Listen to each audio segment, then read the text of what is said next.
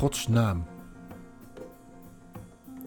Want alleen Hij die zichzelf is, heeft iets te bieden wat nergens anders te vinden is. Citaat van Godfried Bomans. Ik lees een stukje uit Exodus 6, vers 2. Toen sprak God tot Mozes en zei tegen hem: Ik ben de Heere. Ik ben aan Abraham, Isaac en Jacob verschenen als God de Almachtige. Maar met mijn naam Heere ben ik hun niet bekend geweest.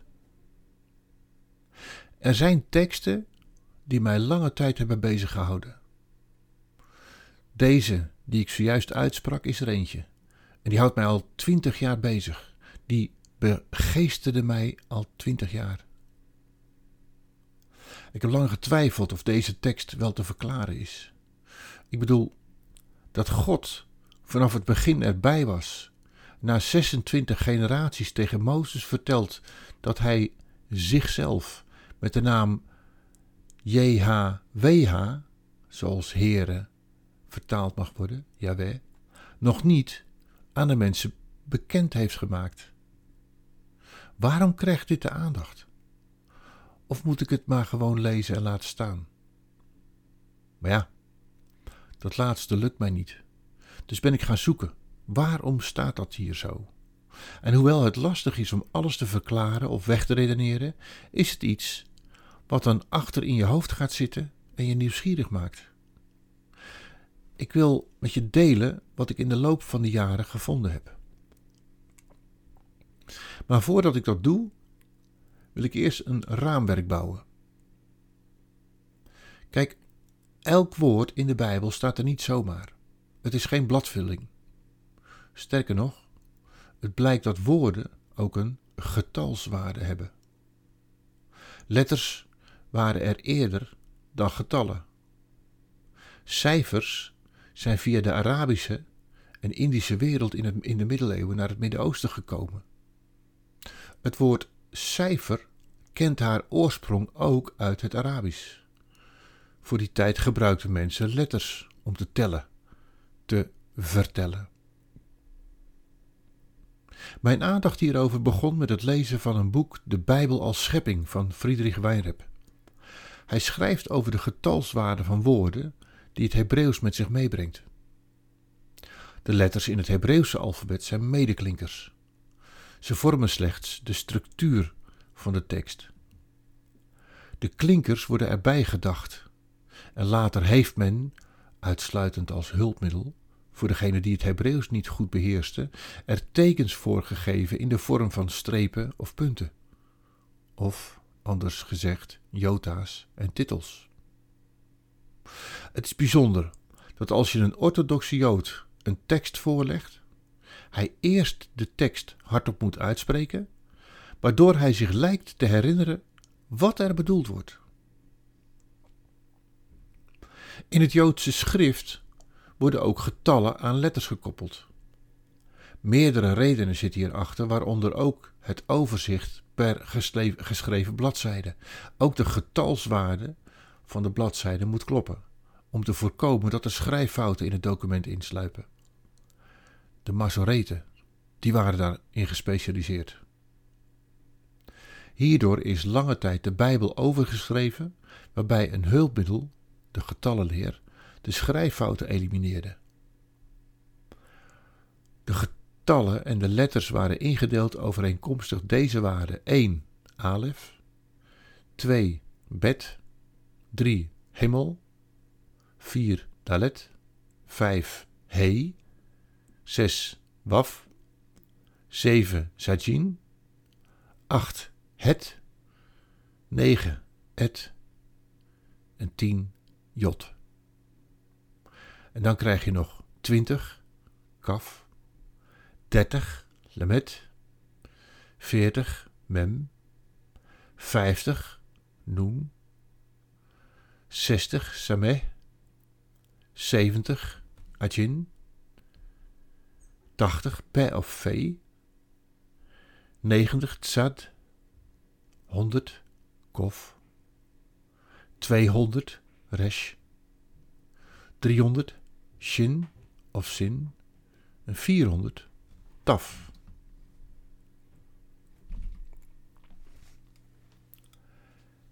Met deze telling komt er een bijzondere klank uit de taal tevoorschijn. Als we met deze gegevens het bovengenoemde tekstgedeelte lezen, krijgen we dit. God zegt tegen Mozes in Exodus 6, vers 2 dat hij nog niet eerder verschenen is als God de Heere. Heere, in het Hebreeuws geschreven als JHWH. De naam zegt: Ik ben er voor jullie, ik ben de bestaande en ik zal er zijn. Het is de naam van God die niet uit te spreken is. Om die reden spraken de Joden dan ook niet over JHWH, Yahweh, maar duiden God aan als met Adonai, wat Heer betekent. Vrij vertaald zegt God hier tegen Mozes: Ja, uh, ik loop nu een poosje met jullie mee, maar ik ben nog niet onder de werkelijke naam, zoals ik werkelijk ben, bij jullie bekend.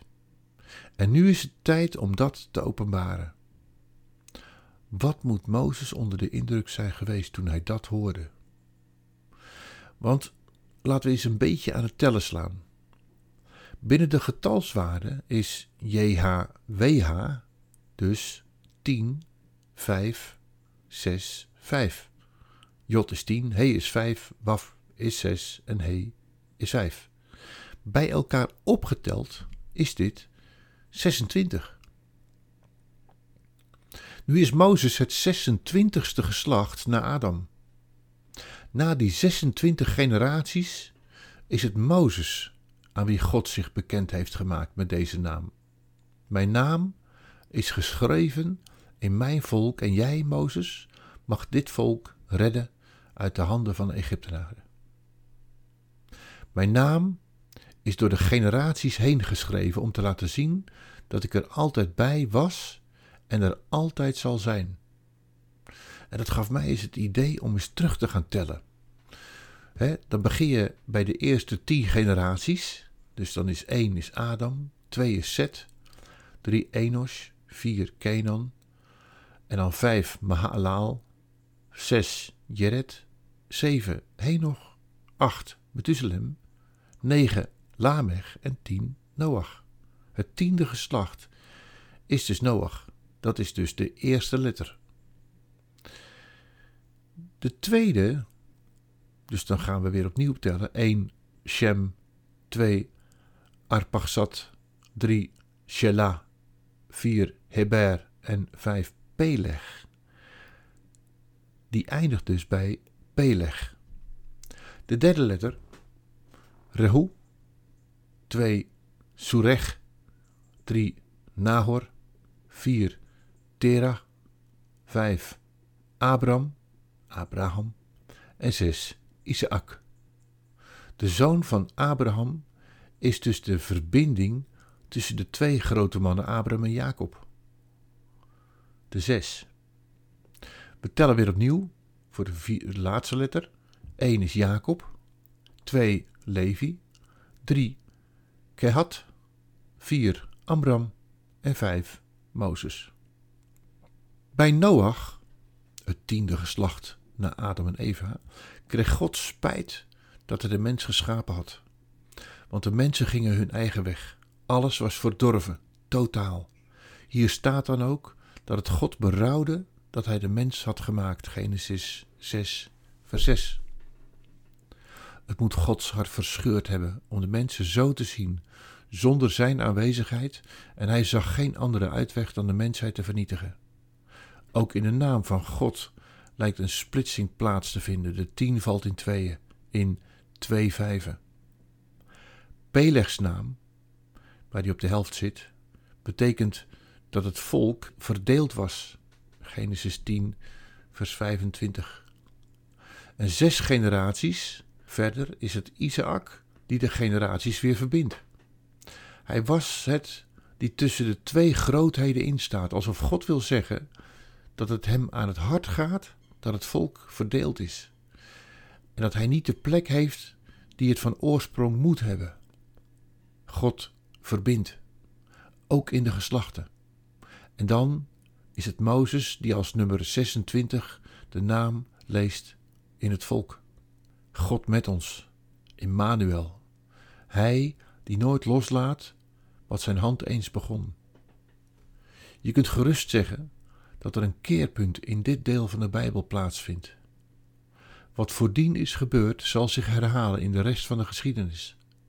Als hoogtepunt in die geschiedenis het feit dat hij zelf naar de aarde is gekomen.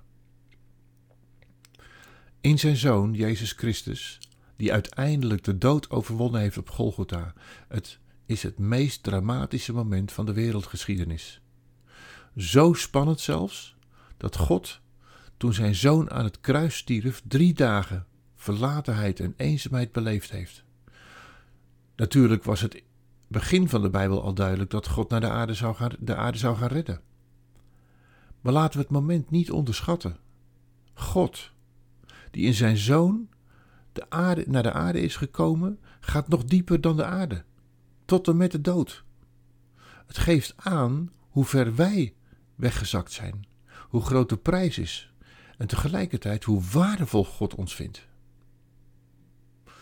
Ik stel me zo voor dat ook God zelf naar de aarde keek en mogelijk bang was met de dood van zijn zoon. Gaat het wel lukken? Per slotverrekening is het de dood waartegen hij strijdt. En natuurlijk ging het lukken. Het gaat over God en zijn schepping. Maar laten we niet licht denken over de overwinning van de dood. Jezus schreeuwde niet voor niets: kan deze beker aan mij voorbij gaan? Maar het lukte. De lofprijzing in de hemel was enorm, zo stel ik mij voor. Het lukte. Zo'n moment in de Bijbel, het moment dat God zichzelf bekend maakt in Exodus 6 aan Mozes, kwam tot een hoogtepunt tijdens de opstanding een kosmische opluchting. Er valt veel meer te zeggen en veel boeken heb je tot je beschikking. Maar behoud de verwondering over hetgeen je kan lezen over deze bijzondere ontmoeting in Exodus 6. Wees je bewust van de plek die God je gegeven heeft.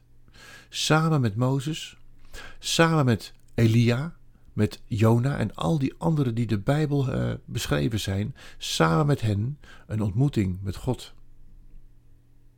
met als mooiste wat God maar kan bieden. Zijn zoon, Jezus Christus, de enige geboren zoon, die er alles aan gedaan heeft om de relatie weer te herstellen tussen jou en God. Je hebt een vader.